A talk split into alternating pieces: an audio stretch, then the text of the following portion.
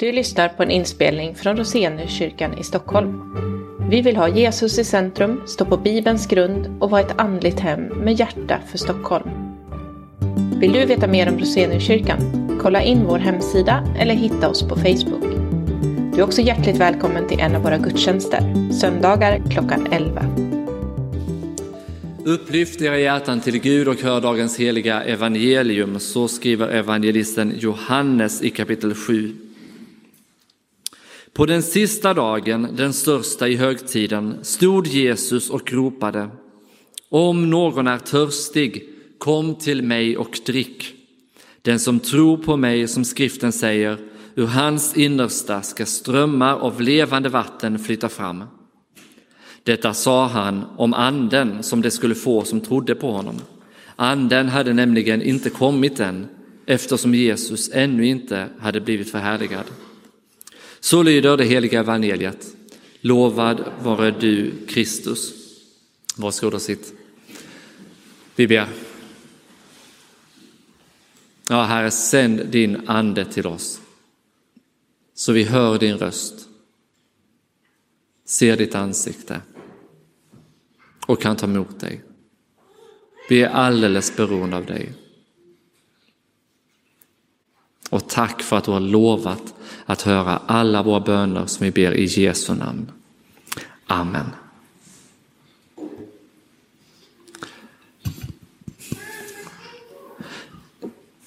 Du vet det här hålet som du har i hjärtat. För jag antar att du är likadan som jag. Och att du också kan känna av det här tomrummet som säger att något saknas, att något är fel, att du är fel. Och du vet, du kommer ju aldrig lyckas fylla det hålet. Ju mer du försöker, desto större riskerar det att bli. Lite som när man försöker liksom laga en reva någonstans och så märker man att man gör det bara värre. Det finns bara ett botemedel mot det hålet. Och det är kärleken från Gud genom Jesus Kristus. Men den kärleken fyller å andra sidan inte bara hålet sådär liksom lite grann, utan det fyller så att det liksom flödar över och räcker både till dig och alla i din närhet. Och det är detta, i alla fall något av detta, som dagens text handlar om. Och det blir som vanligt tre punkter. Vattnet, det är inte lika snyggt. Jag brukar försöka hitta ord på eh, samma bokstav, men det har inte lyckats med den här gången. Det är vattnet, förnybart och genom tron. Prosaiskt, men inte mindre sant. Vi börjar med det första, vattnet. Det står i texten i vers 37, på den sista dagen, den största i högtiden. Vid den här tiden så firade man den så kallade lövhyddohögtiden och det var en av de stora judiska festerna under året. Man firade lövhyddohögtiden till minne av Guds beskydd, vadå, 1200 år tidigare ungefär, när Israels folk vandrade genom öknen från Egypten in i det utlovade landet. Men man firade också, eftersom det här låg på hösten, omkring september-oktober, så tackade man också för bärgningen av skörden och tackade Gud för hans omsorg och hans försorg. Det var en fest som pågick i sju dagar. Det lär ha varit den mest populära av de tre stora högtiderna. Människor vallfärdade från hela Israel till Jerusalem. Det var fullt av pilgrimer i staden och man byggde temporära hyddor av löv och grenar och man bodde i dem under sju dagar och folket som bodde i Jerusalem de byggde hyddor på sina tak och så bodde man i de här hyddorna för att minnas och fira hur Gud skyddade och bevarade sitt folk när man vandrade genom öknen. Det är fest, det är glädje i Jerusalem när Jesus är där och det är knökfullt med folk. Det är smockfullt med människor i Jerusalem. Och under de här sju dagarna så varje dag fyllde man ett krus med vatten i Siloadammen och så bar man det här kruset i procession genom staden upp till templet och processionen leddes av översteprästen. När processionen närmade sig templet, äh, altaret i templet blåste man i en speciell trumpet tre gånger. Prästerna gick runt altaret. Tempelkören sjöng psalmerna 113 till 118, de kända lovsångerna. Och när man kom till psaltaren 118 så ropade alla tacka Herren tre gånger. Och så offrades vattnet på altaret tillsammans med det dagliga dryckesoffret av vin. Det här var en stor högtid och en stor fest. Och det här påminde om och symboliserade Herrens försörjning av vatten i öknen. Hur Gud gav folket vatten i öken, inte minst när Mose slog med sin käpp på klippan i öknen som vi läser om i eh, Moseböckerna och det strömmade fram vatten i öknen. Men också hur Gud skulle utgjuta sin ande vid den sista tiden, vid den messianska tiden. Och det här hade gamla, eh, vad ska man säga, för, eh, gamla anor, gam, gammal symbolik, gammal påminnelse från, eh, från skriften om just de här sakerna. Vi läser en av de viktiga texterna från Jesaja 12. På den dagen ska ni säga Tacka Herren. Och, nej, eh, hur var det jag läste? Eller hur var det Maria läste? läste? Med fröjd ska ni ösa vatten ur frälsningens källor. Så står det ju. Med fröjd ska ni ösa vatten. Det var en sådan text som fanns med här, man öser vatten ur frälsningens källor. Sen påminns man också om Jeremia 2, där Gud säger att hans folk har byggt usla brunnar. De har övergett källan med det levande vattnet och byggt usla brunnar som inte håller vatten. Men man påminns också om Hesekiel 47 när Gud låter Hesekiel se hur vatten strömmar fram från Gud och fyller all marken. Och där vattnet flödar fram, där blir det också liv i naturen där allt har varit dött.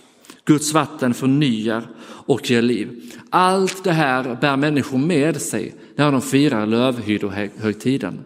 Och på den sista dagen i festen ställer sig Jesus och ropar. Om någon är törstig, kom till mig och drick. Alltså tänk om jag hade ställt mig och sagt, ni som har ett hål i hjärtat, kom till mig. Jag lovar, jag ska fylla det. Ni borde fly långt ifall ni skulle höra mig säga det. För jag kan inte fylla det hålet. Och det kan inte någon annan människa heller göra.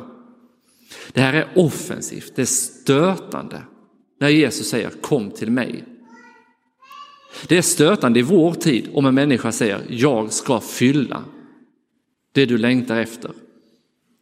Det är ännu mer stötande i en allt igenom religiös kontext.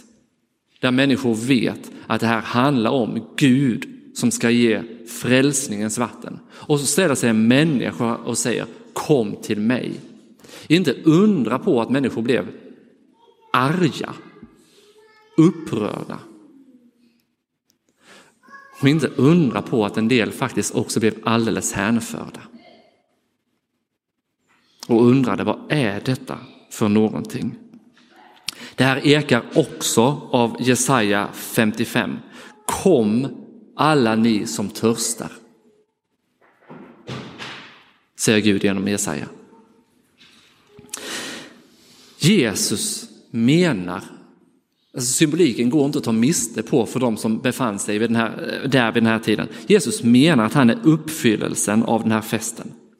Det är honom som hela festen handlar om. Ni kan förstå varför människor blev upprörda av Jesus, men också varför de blev så hänförda. Jesus säger den messianska tidsåldern bryter in. Nu är tiden här.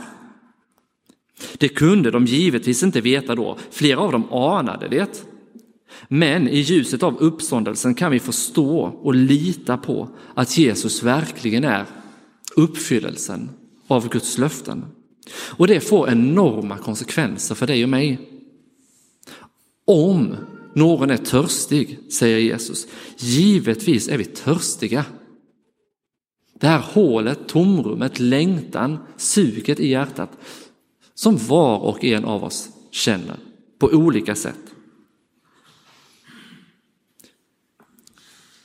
Både du och jag vet ju om att det stillas inte av att vi blir snyggare, får bättre jobb, dubblerar lönen, har fler partners, mer väluppfostrade barn. Att vi hittar en partner överhuvudtaget och så vidare. Mycket av det kan vara bra och det kan ge mening. Men den når inte ända fram. Vi vet att det egentligen är dimridå och ändå söker vi det. Och när vi sätter vårt hopp till det, när det är det vi lever för, så blir det våra avgudar. Det skymmer bilden. Vi sätter vårt hopp och tillit till dem och de gröper istället ur oss. Vad är det egentligen i Stockholm som är de här markörerna eller sakerna som vi jagar efter? Karriär, definitivt. Att vara upptagen. jag har inte tid, jag kanske kan ge dig en halvtimme om fyra veckor. Det är bra. Då är det någon att räkna med. Att du har rätt connections, känner rätt människor, kan droppa namnen och så vidare. Då känner jag, jag har hemma här, jag har en plats, jag är viktig, jag betyder någonting. Och så vet vi att det egentligen äter upp oss, för det finns alltid någon som är bättre. Alltid någon som har kommit lite längre, någon som tjänar lite mer, någon som gör lite bättre resor, någon som har lite bättre kontakter och så vidare. Och så säger Jesus, kom till mig.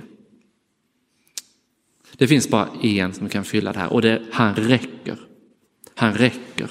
Varför det? Jo, för det han har att ge, det är helt utan förtjänst.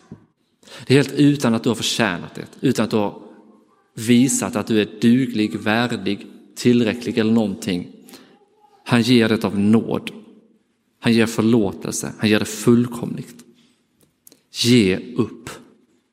Ge upp din strävan. Ge upp kampen. Kom till Jesus, sträck fram dina händer. Ta emot från honom istället. Det är den första delen. Det andra om förnybart. För vi firar pingst. Vi firar att Gud ger den helige ande. Vi firar att frälsningens källa öppnas inom oss. Jeremia och Hesekiel, två av profeterna i Gamla testamentet, de talade om att Gud skulle skapa ett nytt förbund. Inte förbundet som han slöt med Mose som byggde på lagen, utan ett nytt förbund där Gud ger anden där till varje troende, inte bara till vissa specifika människor utan till varje troende, där hjärtat ska omskäras och där människor ska nyskapas. Det är en helt ny tidsålder. Där Gud lever i människor. Vårt problem är ju att vi inte förmår bota oss själva. Och i varje politisk debatt man lyssnar på så hör man att högern och vänstern har olika svar på vad som är vårt stora problem i världen. Högern, om man ska hårdra det, säger att människor tar inte ansvar. De kan inte ta ansvar. Eh, de borde skärpa sig och sätta lite hårt eh, bakom sina ansträngningar. Och vänstern säger problemet sitter i strukturerna. Strukturerna är orättvisa, orättfärdiga. Vi måste lösa strukturerna. Annars så kommer vi aldrig få rättvisa. Båda två har rätt och båda två har fel. Vårt djupaste problem, säger Bibeln, är att hjärtat är sjukt. Det är ett strukturellt problem, men det är också ett problem som har med vilja och förmåga att göra. Förvisso ger övning färdighet och skicklighet, men det ger inte helgelse och frälsning. Det är så lätt att tro det, om jag bara övar mig lite mer, om jag bara läser Bibeln lite mer, om jag bara går lite mer i kyrkan, om jag bara är lite mer hängiven, om jag bara försöker lite mer, då kommer jag att nå fram. Men anden är Guds gåva. Jesus säger kom till mig. Den som tror på mig, ur hans inre ska strömmar av levande vatten flöda fram. När Petrus håller sin predikan på pingstdagen så frågar folket vad ska vi göra? Och Jesus säger låt er döpas så får ni förlåtelse för era synder och den helige ande som gåva. Det är inte förtjänst utan nåd. Anden skapar ett heligt kretslopp i våra liv. Anden avslöjar vår synd, visar att vi inte räcker i oss själva. Och så driver han oss till Kristus och övertygar oss om att Gud av nåd förlåter oss alla våra synder och att vi får kalla Gud vår pappa i himlen som är fullständigt nöjd, glad, tillfreds med dig som säger jag är stolt över dig mitt älskade barn. Även när du känner det här är bara skit. Jag är så dålig. Även då säger Gud, jag är stolt över dig. Jag är glad över dig. För han ser dig i Jesus. För vad Jesus har gjort för dig. I Romarbrevet skriver Paulus, ni har fått barnaskapets ande och i honom ropar vi Abba, pappa, far. Anden själv vittnar med vår ande att vi är Guds barn. Jesus sa, ur hans innersta ska strömmar av levande vatten flöda fram. Du behöver inte jaga utanför dig själv. Du behöver inte jaga efter den här bekräftelsen som djupa sett handlar om om jag får lov att höra till, om jag har en plats, om jag hör hemma, djupa sett om Gud kan acceptera och bekräfta mig. Gud har försonat oss med sig. Han har förlåtit synden, han har dödat döden. Han har förberett för att kunna ta plats i dig. Det är en hårresande tanke. Tänk att den levande guden, den store upphöjde, odödlige, helige, skulle kunna bo i en vanlig människa. Men Gud har förberett det genom sin död och uppståndelse, genom att nyskapa oss genom dopet och tron. Och nu kan han också bo där, inte med en tiondel, inte lite förtäckt och fördold, utan med hela sin fullhet. Du har den här bekräftelsen inom dig genom Guds ande. Gud älskar dig för Jesus skull. Och det vattnet kommer aldrig ta slut. Allt annat jag söker efter som bekräftelse i mitt liv, det måste förnyas gång på gång på gång på gång. Det är som räntan och amorteringen på bostadslånet. Ja, den kommer månad efter månad efter månad, tar aldrig slut. aldrig någonsin. Men i positiv bemärkelse är det så med den helige Ande och med vattnet som flödar från Guds källor. Det tar aldrig slut. Inte med en påminnelse om skuld, utan en påminnelse om att skulden är betalad, utraderad, förlåten, glömd för Jesus skull. Det är som om Gud slår hål på hjärtats klippa och så är det en spricka som öppnas som släpper in vatten från Guds värld i ditt hjärta. Fast egentligen är det ännu mer, Gud liksom planterar en källa i ditt hjärta. Jag har inte lyssnat på skivan men jag minns omslaget och titeln. Eh, rapparen 50 Cent, han hade en skiva som hette Get Rich or Die Trying. Jag tänker att det är ett jättebra tema för vår tid. Men här är tanken istället. Stop trying and become rich. Alltså, sluta försöka bli rik.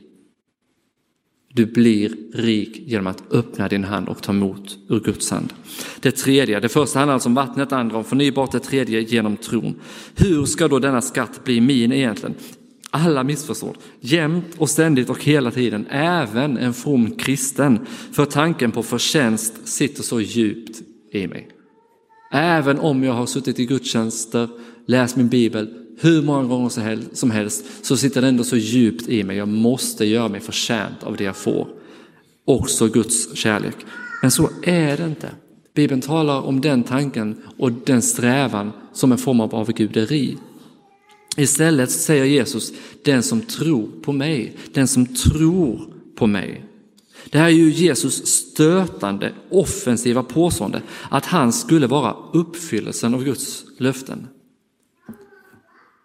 Men vi lever ju i påskens ljus, vi vet att Jesus har dött och uppstått. Han är den messianska tidsåldern.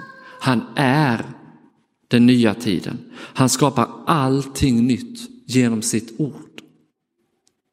Det är ju vad det betyder. Den som tror på mig.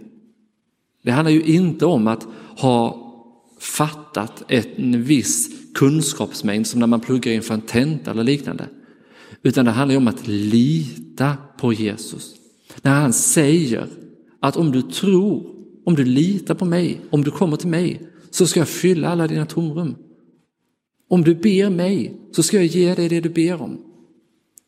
Om du slutar försöka och öppnar din hand så ska jag ge dig min ande, min förlåtelse, allt som är mitt.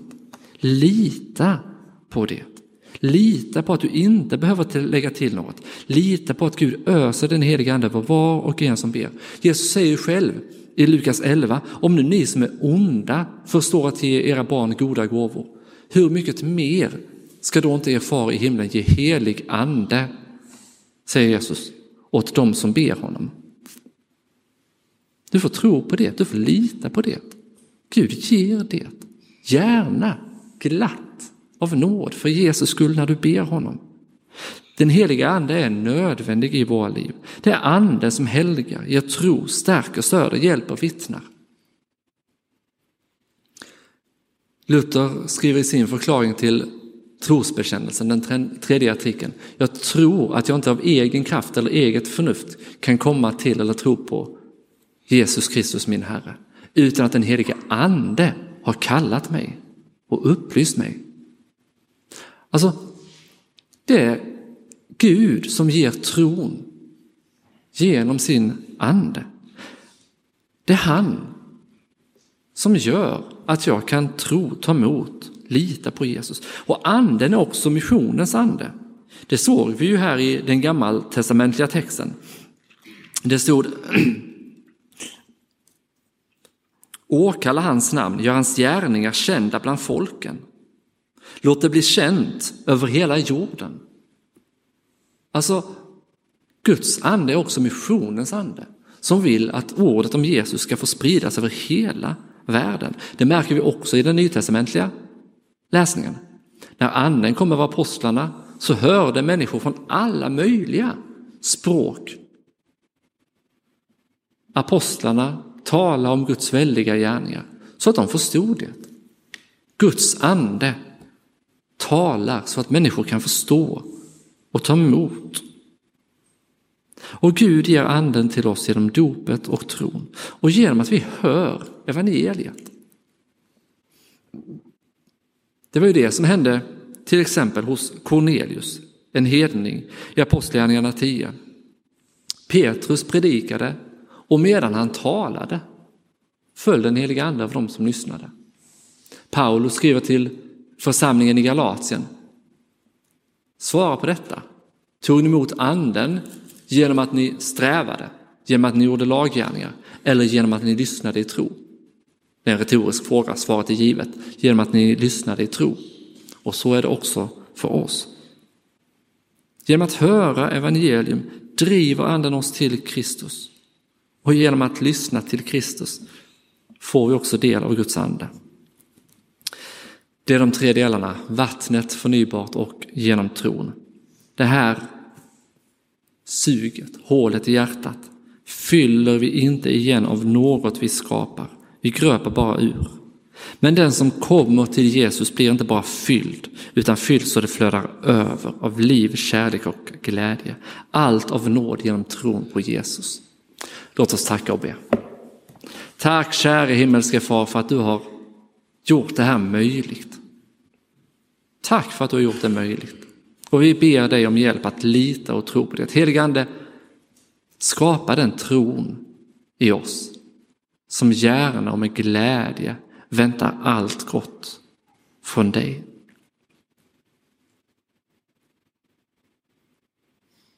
Det ber vi frimodigt om i Jesu namn.